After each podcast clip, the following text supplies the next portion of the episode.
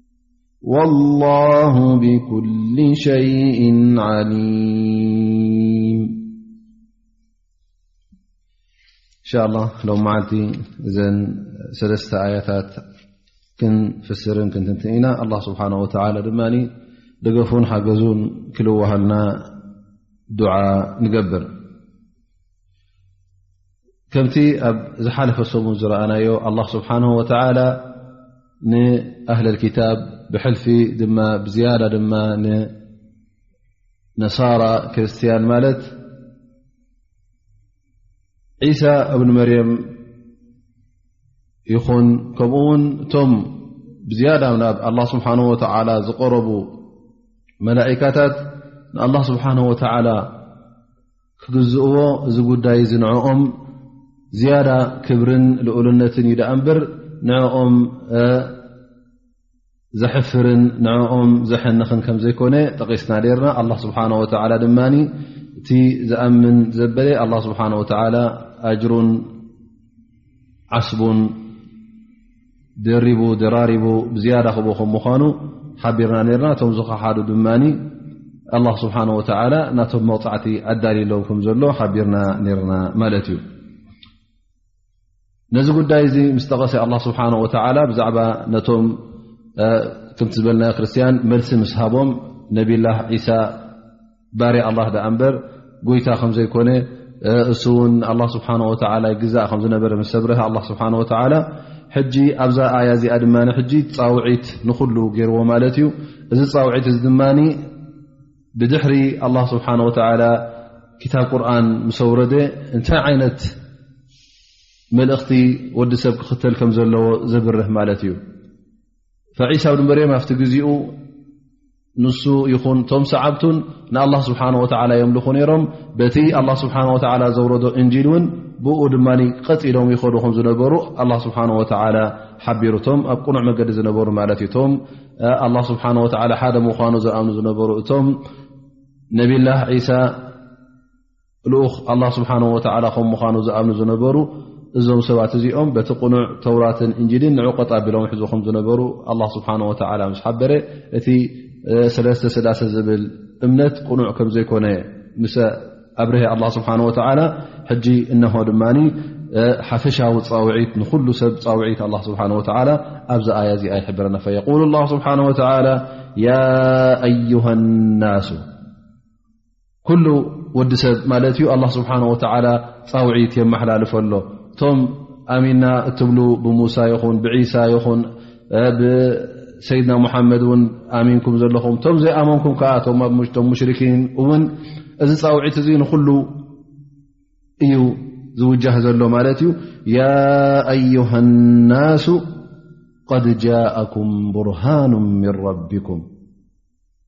እነሀ ካብ ኣላ ስብሓን ወተላ ኣንቱም ሰባት ኩልኹም እነሀ ዓብይ መርትዖ ካብ ኣላ ስብሓን ወተላ ፍፁም መርትዖ ካብ ኣላ ስብሓን ወተላ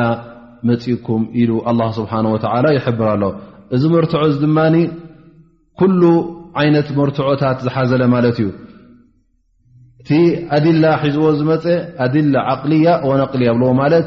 እቲ መርትዖታቱ ሰዋእን በቲ ዝሓለፈ ክታብቲ እንተ ኮይኑ በቲ ዘፅናዕኩምሞ መፅሓፍቲ እንተ ኮይኑ መርትዖ ዝሓዘ መልእኽቲ እዩ መፅእኩም ዘሎ ከምኡ ውን ኣእምራዊ መርትዖ እተ ክደሊኹም ውን እዚ ትሕበርዎ ዘለኹም መንገዲ እዚ ትፅውዕዎ ዘለኹም መንገዲ እውን ብኣእምሮ ጥራይ ውን እተ ክትሓስቦ ደሊኻ ውን ምስቲ ናይ ኣእምሮ ጉዳይ ዝገራጮ ከም ዘይኮነ እቲ ተዋሂብዎ ዘሎ መርትዖታት ንሓንጎልካ ዘዕግብን ነቲ በቲ ኣላ ስብሓን ወላ ቅድሚ ሕጂ ዘውረዶ ክታብትን ምስኡ ቅጥ ዝበለ እዩ ስለዚ ፍፁም ምኽኒት ከም ዘይብልካ ኣላ ስብሓን ወተዓላ ይህበካን ይነግረካን ኣሎ ማለት እዩ ፅባሕ ንግሆ ኣብ ቅድሚ ኣላ ስብሓን ወተዓላ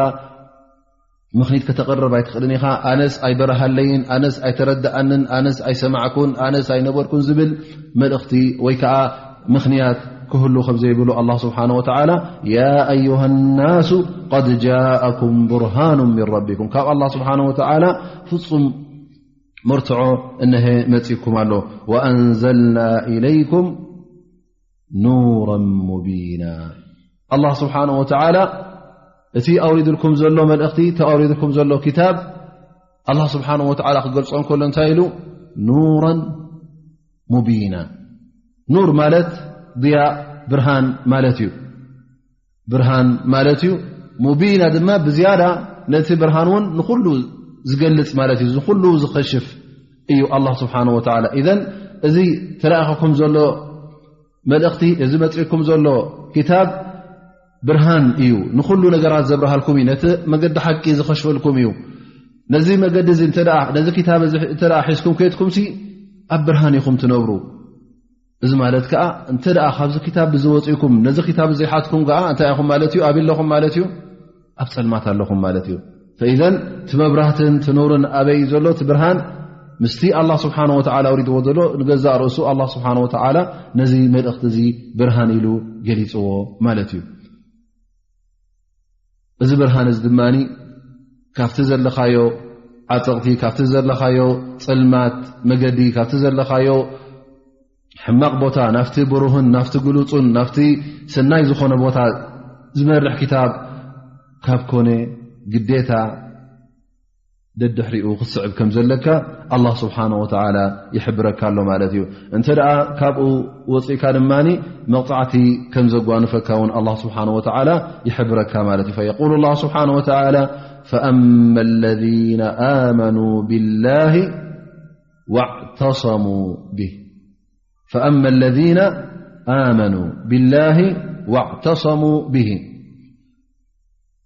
فجمعوا بينا العبادة ومقام التوكل على الله سبحانه وتعالىفأما الذين آمنوا باللهم الله سبحانه وتالىمنالله سبحانه وتالىالله دمان نبينا محمد صلى الله عليه وسلمالله سبحانه وتالىم ንኣላህ ስብሓን ወተዓላ ዝወሃብ ኣምልኾት ፍፁም ንኻልእ ክወሃብ ከም ዘይብሉ ነዚ ጉዳይ ዝኣመኑሉ እሞ ኩሉ እንትንኦም ንኣላ ስብሓን ወተዓላ ዘወፈዩ ኣመኑ ብላህ ዋዕተሰሙ ብሂ ከምኡ ውን ብኣላ ስብሓን ወተላ ናብ ኣላ ስብሓን ወተዓላ ተፀጊዖም ማለት እዩ ወቃል ዑለማ ዋዕተሰሙ ብ ኣይ ኣዕተሰሙ ብኑር ኣልሙቢን ኣይ ብልክታብ ክልተ ትርጉም ሂቦማ ማለት እዩ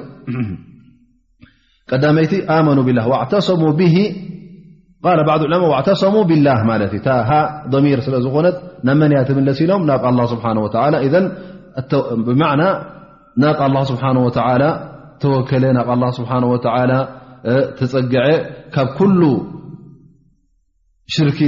ካብ ኩሉ ሽርካ ካብ ኩሉ ጉዳይ እውን ፍፁም መፀግዒ ከም ዘይብሉ ተኣማሚኑ ናይ ነብሱ ሓይልን ናይ ነብሱ ብርታዐን ናይ ነብሱ ክእለትን ኩሉ ረሲዑ ናብ መን እዩ ዝፅቃዕ ብምሉእነቱ ናብ ኣላ ስብሓን ወላ ተፀግዐ ይብሉ እዚ እዩ እቲ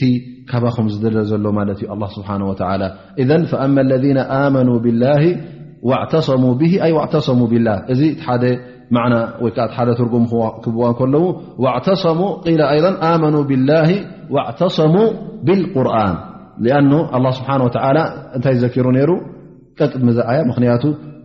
እቲ ክታብ ቁርን ኑር ሙቢን ከም ምዃኑ ጠቒስዎ ነይሩ እቲ ብርሃን ዋዕተሰሙ ብሃ ኑር ማለት እዩ ማለት ነዚ ክታብ እዚ ቐጥ ኣቢሎም እንተ ሒዞም ካብኡ ፈልከት ኢሎም እተ ዘይወፁ ኣላ ስብሓን ወተላ እንታይ የብል ፈሰዩድኪልሁም ፊ ራሕመት ምን ኣላ ስብሓን ወተላ ነዞም ሰባት እዚኦም ኣብቲ ራሕማኡ ኣብቲ ቦታ ርህራኡ ክእትዎም እዩ እቲ ርህራሀ ናይ ኣላ ስብሓን ወተላ ብዝዓበየ ደረጃ ዝበፅሓሉ ድማ መዓስ እዩ ኣብቲ ዮም ኣልቅያማ ንጀና ክእትወካ ከሎ ማለት እዩ ላ ስብሓን ወላ እዞም ሰባት እዚኦም ብርግፅ ንጀና ክእትዎም ከም ምኳኑ ካልኣት እዩ ማለት እዩ ፈሰዩድኪልም እዚ ድማ ፈሰዩድኪልም ሲን ተወሲኽዋ ዘለብካ ዝያዳ ተእኪድ ክበካ እዩ ላ ስብሓን ወላ ፈሰዩድኪሉ ሃኡላ እዞም ሰባት እዚኦም ኣብ ጀና ክእትዎም ከም ምኳኑ ኣብቲ ራሕምኡ ኣብቲ ርህራሂኡ ክእትዎም ከም ምኳኑ ኣላህ ስብሓን ወተዓላ ይሕብር ብዝያዳ ድማ እንታይ ብል ፈሰዩድኪልሁም ፊ ራሕመት ምን ወፈضል ኣብ ዝያዳ ድማ ታይ ኣብዚ ርእሲኡ ድማ እንታይ ኣሎ ማለት እዩ መወሰኽታ ኣለዎ ማለት እዩ ፀጋ ኣላ ስብሓን ወተዓላ ድማ ክውሰኾም ማለት እዩ ጥራይ እቲ ሶም ዝገበሩ ኣይኮኑ እንታይ ኣላ ስብሓን ወተዓላ ብዝያዳ ክውስኾም ከም ምኳኑ ሰዋብ ክውስኾም ከም ምዃኑ ኣላ ስብሓን ወተዓላ እቲ ደረጃ ናቶም ኣብቲ ንሶም ጥራይ ዝገብርዎ ነበሩ በቲ ኣጅሮም ጥራይ ኣይኮነን በቲ ናቶም ዓስቢ ጥራይ ኣይኮነን ዝውዳእ እንታይ ደኣ ናይቲ ተግባሮም ናይቲ ሰናይ ግብሮም ዓስቢ ረኺቦም ኣብቲ ደረጃኡ ምስ በፅሑ ኣላ ስብሓን ወተዓላ ድማ በቲ ናቱ ፈድልን በቲ ናቱ ሽሻይን ርዝቅን ድማ ዝያዳ ካብቲ ዝገብርዎ ዝነበሩ ካብቲ ንዕኦም ዝግባእ ዝያዳ ኣላ ስብሓን ወተዓላ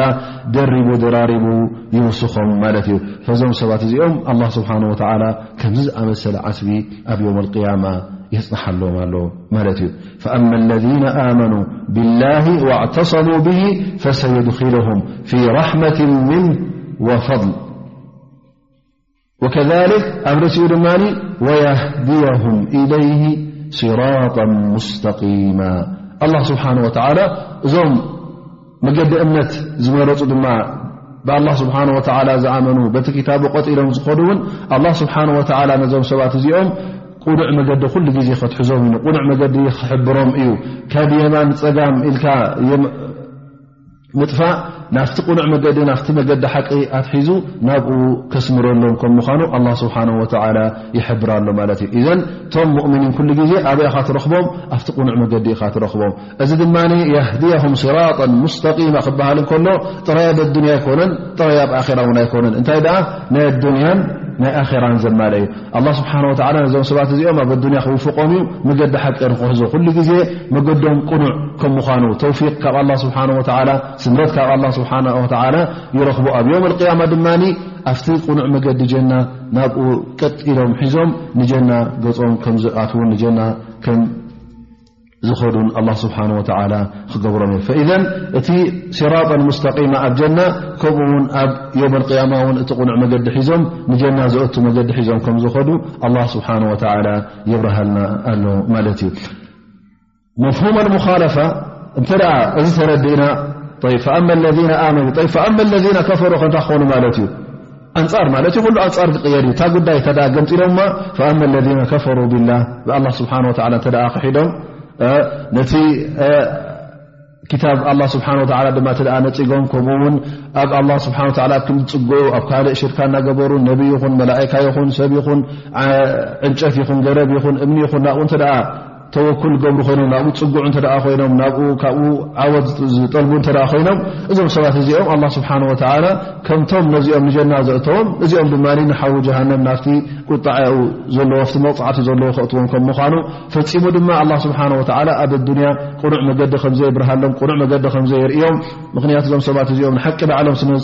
ዝነፀጉ ኣላ ስብሓን ወተላ ንዚኦም ድማ ንዝያዳ ክዕሮም ምኳኑ ኣብ ዮም ልቅያማ ይኹን ኣብ ኣዱንያ ሰናይ ከም ዘይረኽቡ እንተ እዚ የብርሃና ማለት እዩ ስለዚ ነዚ ክትርድኦ ከለኻ ብክልተ ሸነ ክትርድኦ ማለት እዩ እቶም መገዲ ሓቂ ሒዞም ዝኸዱ እቶም ናይ ኢማን እንታይ ዓይነት ከም ምዃኑ ካብ በርሃልካ እንተ ደኣ ካብኡ ወፅእካ ድማ ካብቶም ካልእ ሸነ ከም ምዃንካ እዚ ክበርሃልካ ይግባእ ማለት እዩ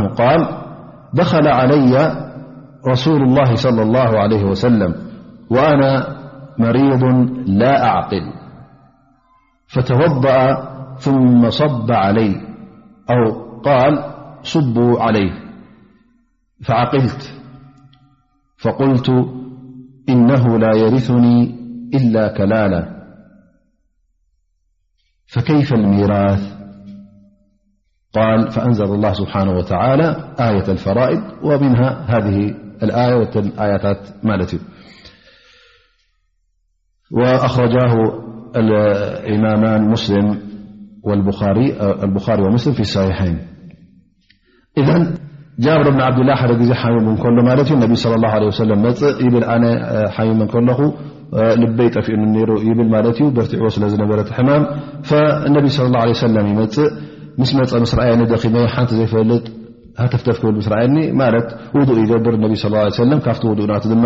የፍስሰለዮም ሰፍሰሱለይ ሕጂ ካብቲ ዝነበረኒ ሕማም ፈኺሱኒ በራበር ማለት እዩ ነቢና ሓመድ ለ ላ ለ ወሰለም ያ ረሱላ ላ ኣነስ ትርእየኒ ኣለኻ ሕጂ መው ትኸውን ትርእየኒ ኣለኻ እሞ ኣነስ ብጀካ ከላላ እተዘይኮይኑ ካልእ ኣይውረስን እየ ይብል ፈእነቢይ صለ ላه ለ ወሰለም ኣይመለሰሉን ግን ትመልሲ ካበይ መፅኡ ማለት እዩ ካብ ኣላ ስብሓን ወተላ መፅኡ ማለት እዩ እዚ ድማ ኣብቲ ዕልም ወይ ካብቲ ናይ እስልምና ትምህርቲ ዕልሚ ፈራኢ ዝበሃል ማለት እዩ ብዛዕባ ናይ ሚራስ ዝነግር ዕልሚ ማለት እዩ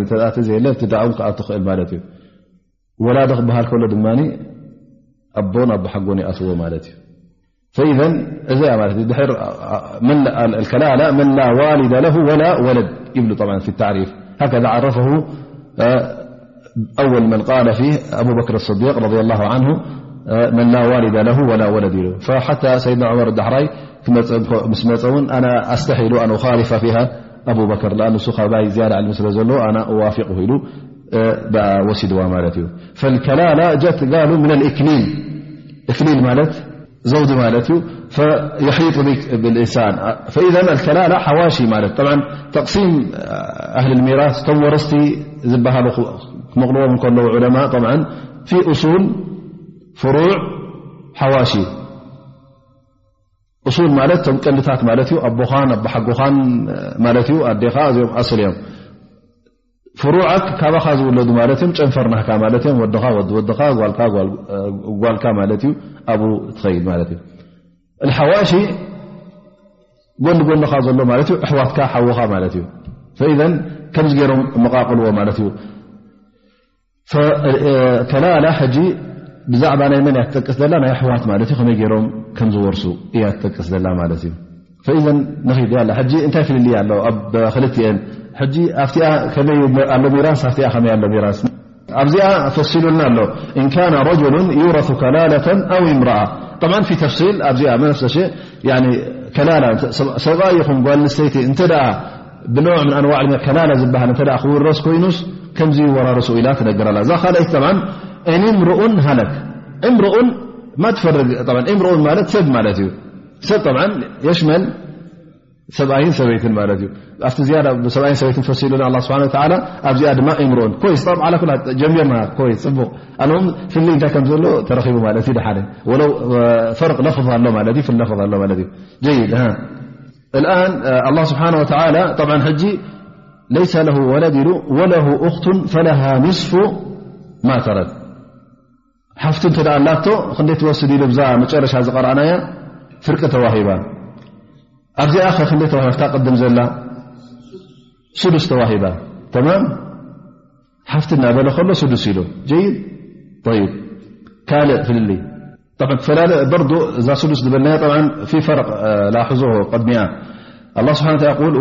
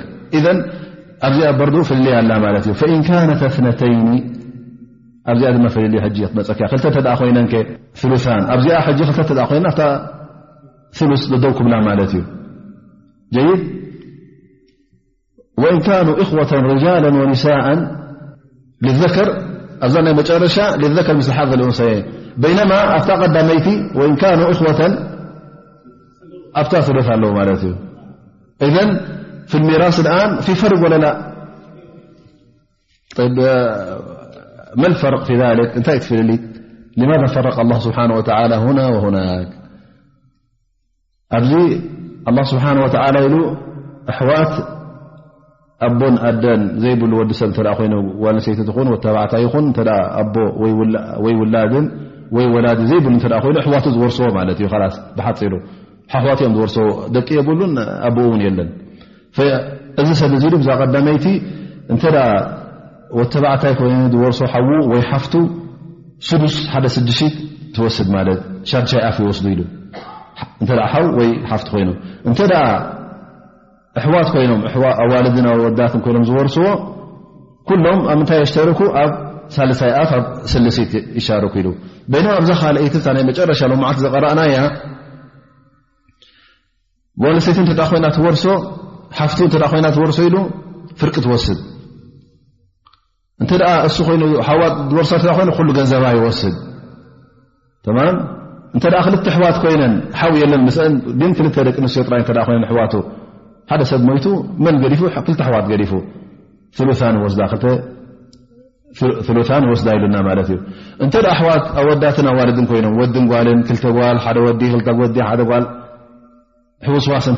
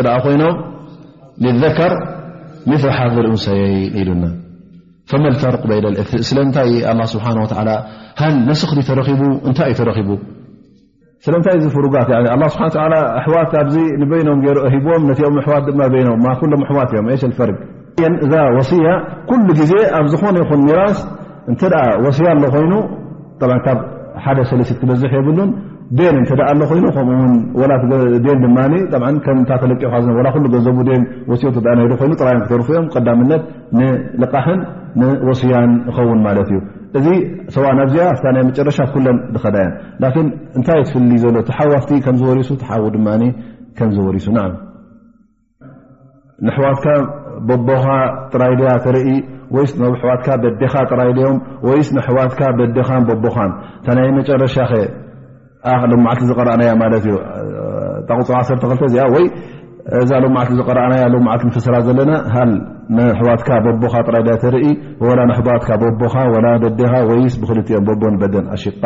ክኾኑ ከለዉ ፈኢዘን ፍልልይ ኣብዚ እዩ ዘሎ ላኪን ፍለይዎን ጠይብ ኣይነትን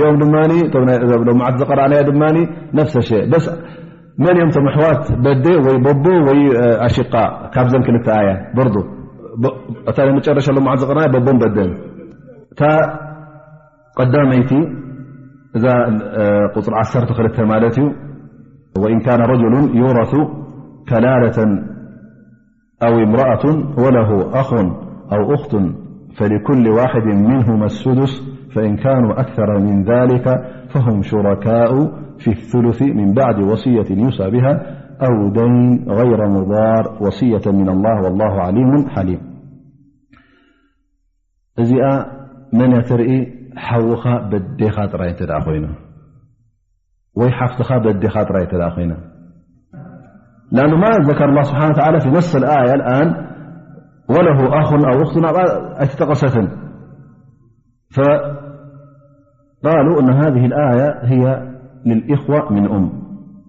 وله أخ أو أخت أمنأمكماوا في قراءة لبعد السلف كان يقرأون على أنها وله أخ أو أخت من أم كانت تقرأ بهذا الشكل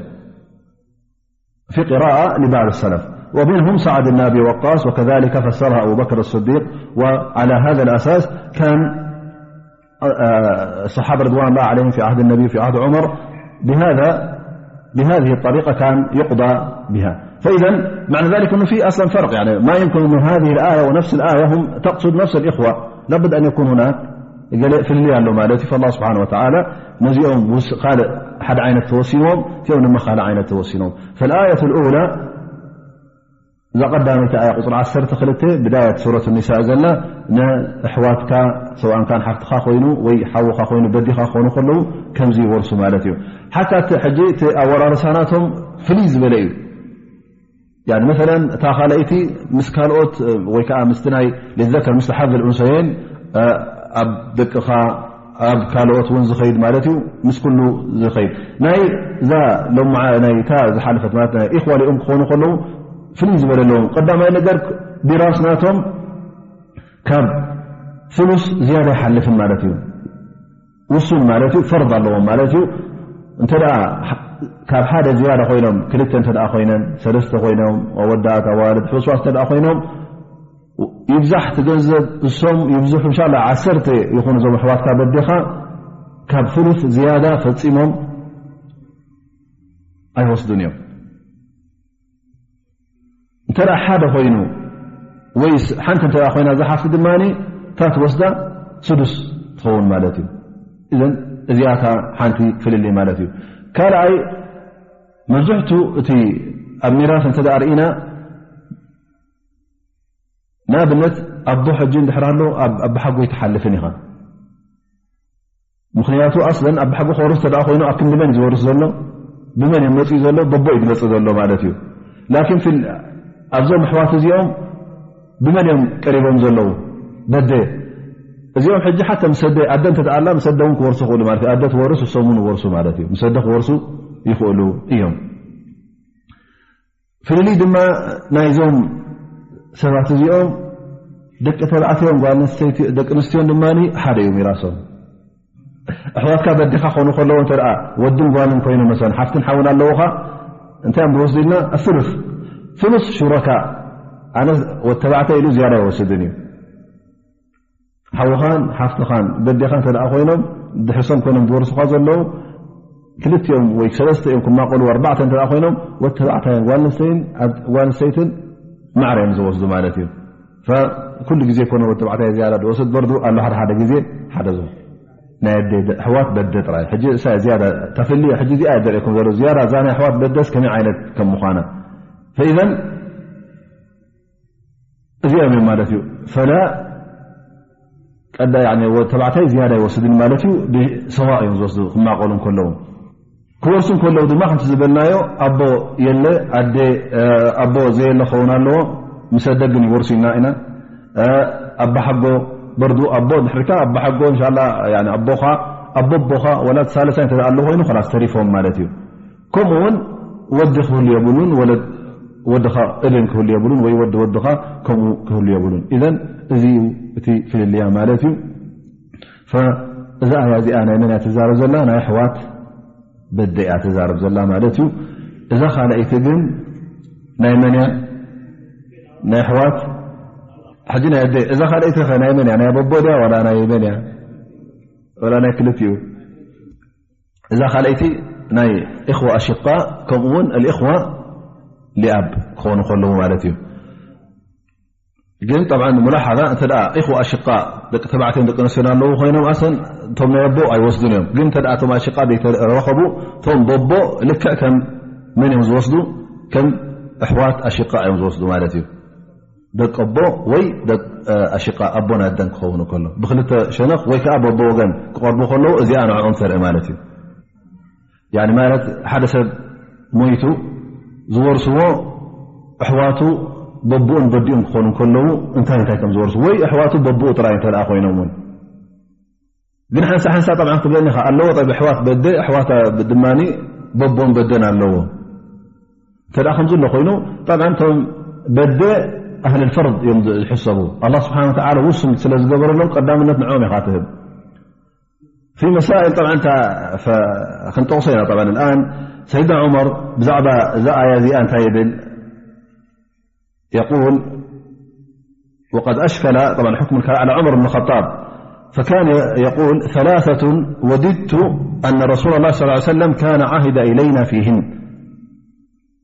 ثلس نجرات النبي صلى الله عليه وسلم بزيادت نولنفتب ميت بل ልጀድ ኣልጀድ ወልከላላ ምኽንያቱ ሚራፍ ናይ ኣባሓጎ ምስ ኣሕዋት ሕጂ ዑለማ ብዙሕ ተፈላለዮምሉ ኣቕዋል ዑለማ ብዙሕ ኣሎ ማለት እዩ ምኽንያቱ ኣብ ቁርን ብዝያ ኣይተተንተነን ወነቢ ስለ ላ ለ ሰለም እውን እቲ ኣብ ግብሪ ዘርኣይዎ ኩሉ ይኮነን ምኽንያቱ ንጎ ንግሆ እናተቃየረ ስለ ዝመፅእ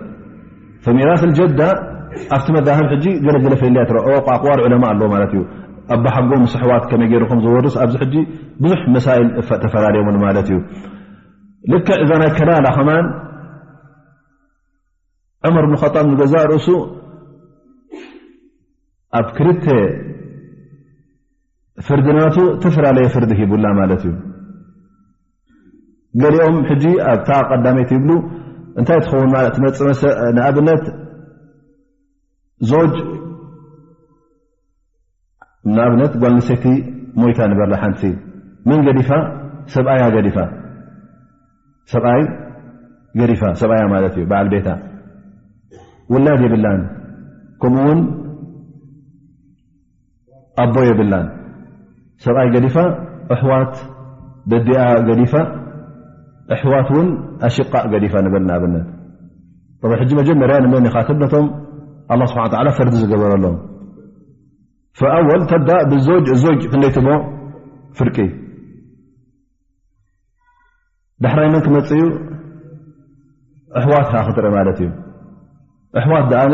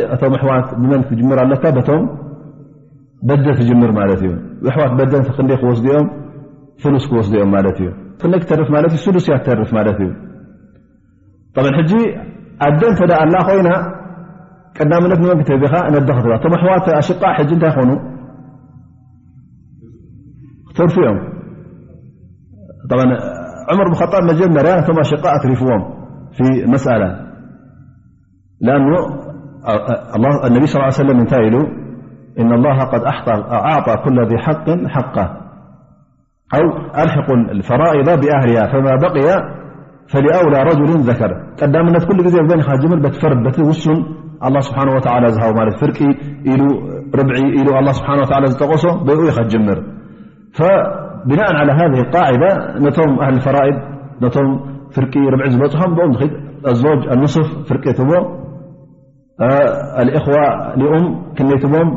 ፍሉት ትቦም ኣደ እተ ኣላ ኮ ኣደ ተዘየላ ም ክኦም ስዱስ ክወስዱ እዮም ላን ኣደ ኣላ ንበላ ብዝያዳ ድማ ክበሪ ማ ኣደ ምስ መፀ ስዱስ ትባ ገንዘብ ኩሉ ትውዳእ ማለት እዩ ቶም ኣሽቃ ሕጂ ጥራይ ኢዶም ተሪፎም ማለት እዩ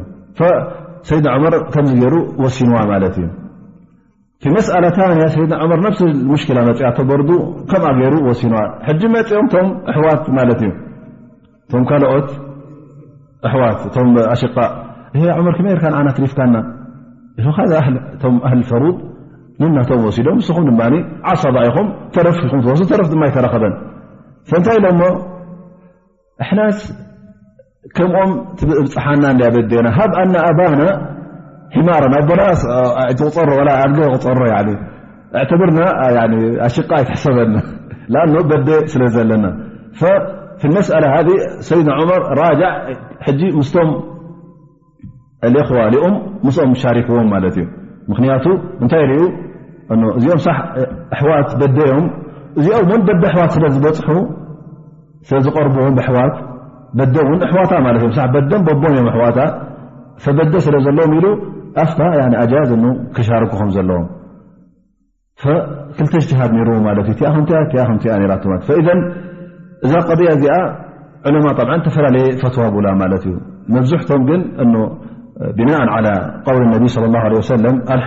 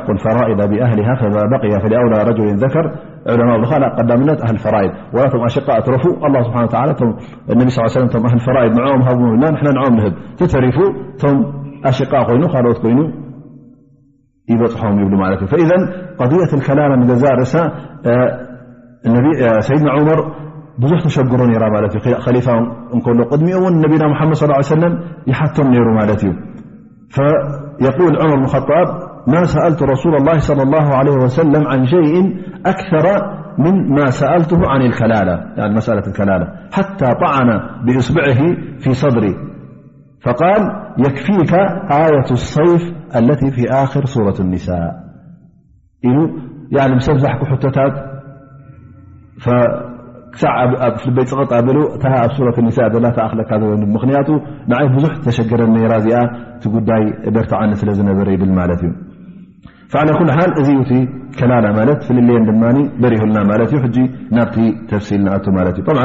ኣላ ስብሓን ወላ ፍብዳ የፍር የስተፍትውነካ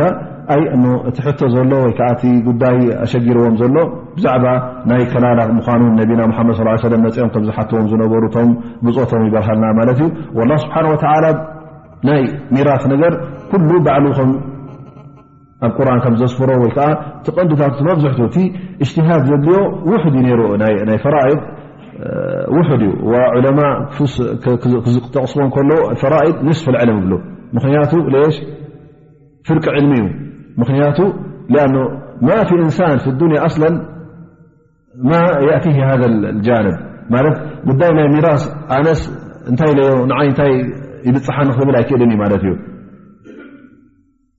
ወይ ክትወርስ ኢኻ ወይ ክትወርስ ኢኻ ወላ ክትመውት ከለኻስ ተሓመቕካ ወይ ክትወረስ ኢኻ ሓደዩ ኣሎ እንተ ሓመቕካ እውን ክዳውንትኻን ገለ ሓጃ ጫማታት ትኸዲንካ ነበርካ ውን ተርፍ ማለት እዩ ፈኢዘን ገለ ዝውረሲ ኣሎ ውሑድ ይኹን ብዙሕ ይኹን ዓላ ኩሉ ሓል ይጠቅምን ዘይጠቅምን ካልእ ጉዳይ ላኪን ከም ጉብኡ ገንዘብ እተ ተቆፂኡ ናህካ ውን ገንዘብ እዩ ዝቁፅር ማለት እዩ የውመንማ እዚ ጉዳይ እዚ ይቐርበካ ማለት እዩ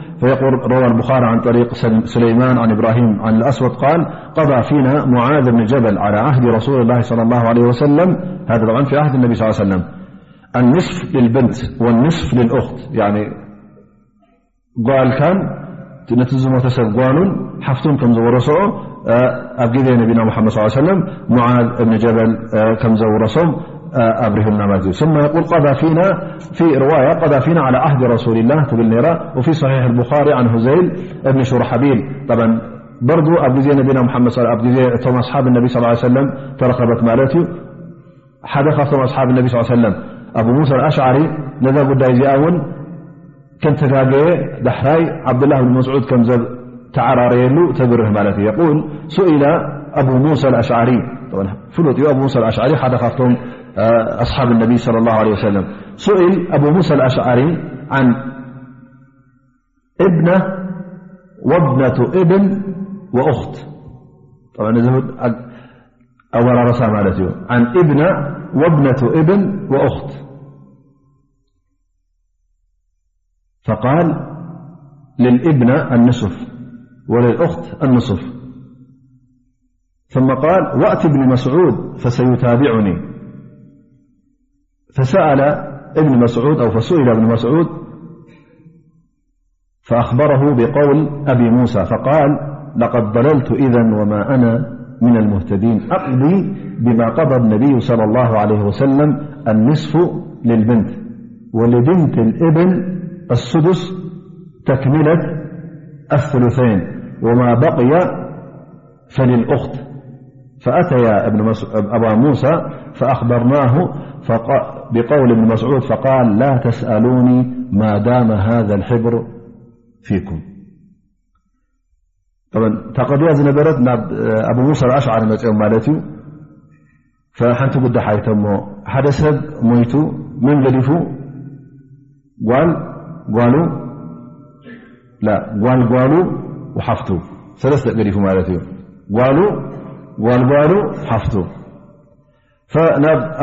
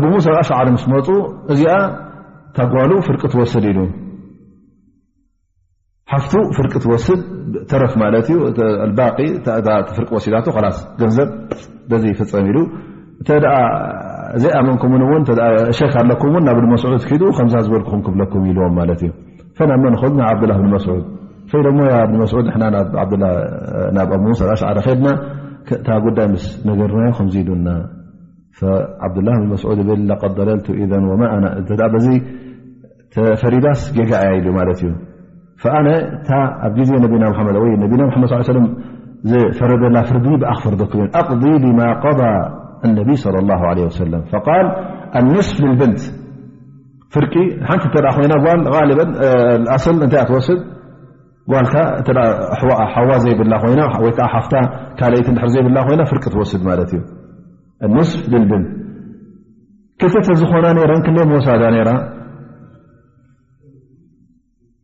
ታይ ሎ ድሕር ክትመልሰን ፍሉተየን ፍሉተየን ክልተ ስለ እዘን ጓል ሓንቲ ስለ ዝኾነ ሕጂ ፍርቂ ወሲዳ ማለት እዩ ጓልጓል መፅያ ምስ ጓልጓል እተ መፅያ ተክሚለት ፍሉተየን ስሉስ ትወሃብ ኣብ ክንዲ ዲኣ ኮይና ማለት እዩ ሕጂ ትምልኣላ ኣላ ማለት እዩ እታ ጓል ዘላ ፍርቂ ትወስድ ቲኣ ድማ ስዱስ ትወስድ ኣ ክልተ ዋልድ ዝኾና ነረን ሉፌን መወሰዳ ነረን ፈዚኣ ሕጂ እታ ተክሚላ መመላእታ ናይታ ሉፌን ነታ ጓልጓል ትወሃብ ተረፈ ገንዘብ ሕጂ ሉፍ ተሪፉ ማለት እዩ ናብ መን ይኸይድ ኢሎ ናፍቲ ሓፍቲ ይኸይድ ተሪፍ ተረፍ ትወስድ ተርፍ ክልት ክትወስድ ከላ ካብቶም ዓሰባ ማለት እዩ እዚ ትገባብ ናይ እዛ ነገር እዚኣ ثመ የقል ስብሓ ወهወ የሪثሃ እን ለም የኩን ለሃ ወለድ ሕጂ ተፈላለዩ ማለት እዩ እንተ ደኣ ሓዋ ኮይኑ እዚ ሓወ እዚ ወይ ሸቂቅ ማለት እዩ ወይ ከዓ ቦቦኣ እሳ ሓንቲ በይና ተ ኮይና ፍርቂ እያ ትወርሶ ፍርቂ ገንዘቡ እተ ክልተ ኮይነን ካልእ ክወርሶ እየን ሰሉታን ክወርሶ እየ ላኪን እተ ሱ ወዲ ኮይኑ ዝወርሳ ዘሎ ሙሉእ ገንዘባ ይወርሶ ማለት እዩ ሙሉእ ገንዘባ በይኑ ስለ ዝኾነ እወ ዝወርስ የለን ገንዘባ ኩሉ ይወርሶ ማለት እዩ ይ ወለው ካ ብ ለሃ ዋልድ ማ ካን ሓያርፍ ኣቦ ተዝህሉ የለን ውላ ተዝህሉ ን ኣይምወረሰን ነይሩ ማለት እዩ እንተ ፈርዲ ዘለዎም ኣለዉ ካልኦት ውን ፈፈርዶም ክወርሱ ማለት እዩ ገንዘባ ከወርሶ ክብ ከለና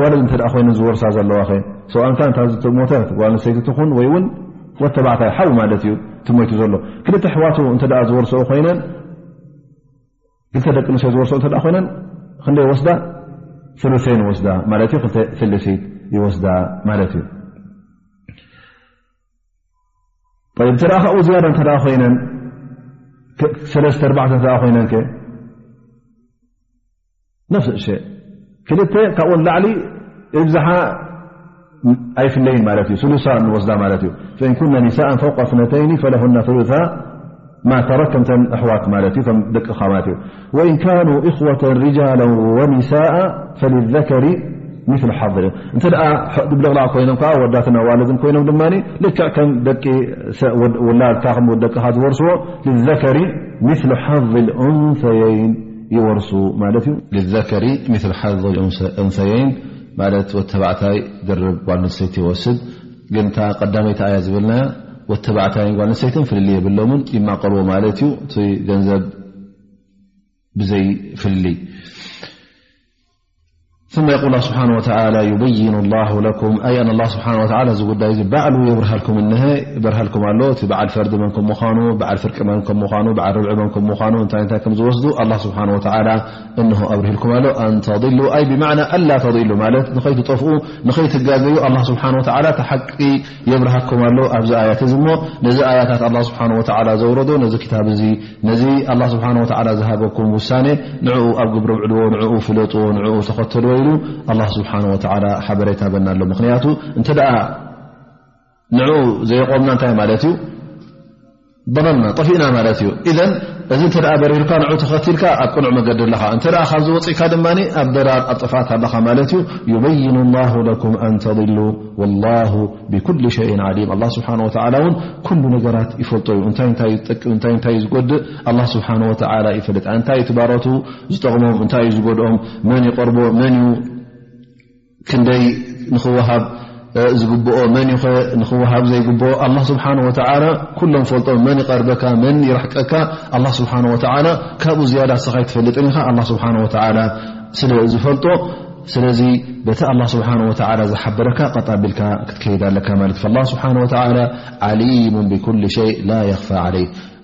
ፈሊጡ እውን ኩሉ እቲ ዝገብሮ ጉዳያት ውን ብሕክማ እዩ ዝገብሮ ነቲ ስለምንታይ ፍርቂ ሂቦ ነቲ ውን ስለምንታይ ርብዒ ሂቦ ነቲ ስለምንታይ ነኪሉ ነቲ ስለምንታይ ወሲኹሉ ኣላ ስብሓን ወተዓላ ካብ ፍልጠቱ ተበጊሱ ብጥበቡ ዝገበሮ ጉዳይ ስለ ዝኾነ እሺ ኢልካ ኣልሓምዱልላ ኢልካ ካብ ኣላ ስብሓን ወተዓላ ክትቅበል ይግብኣካ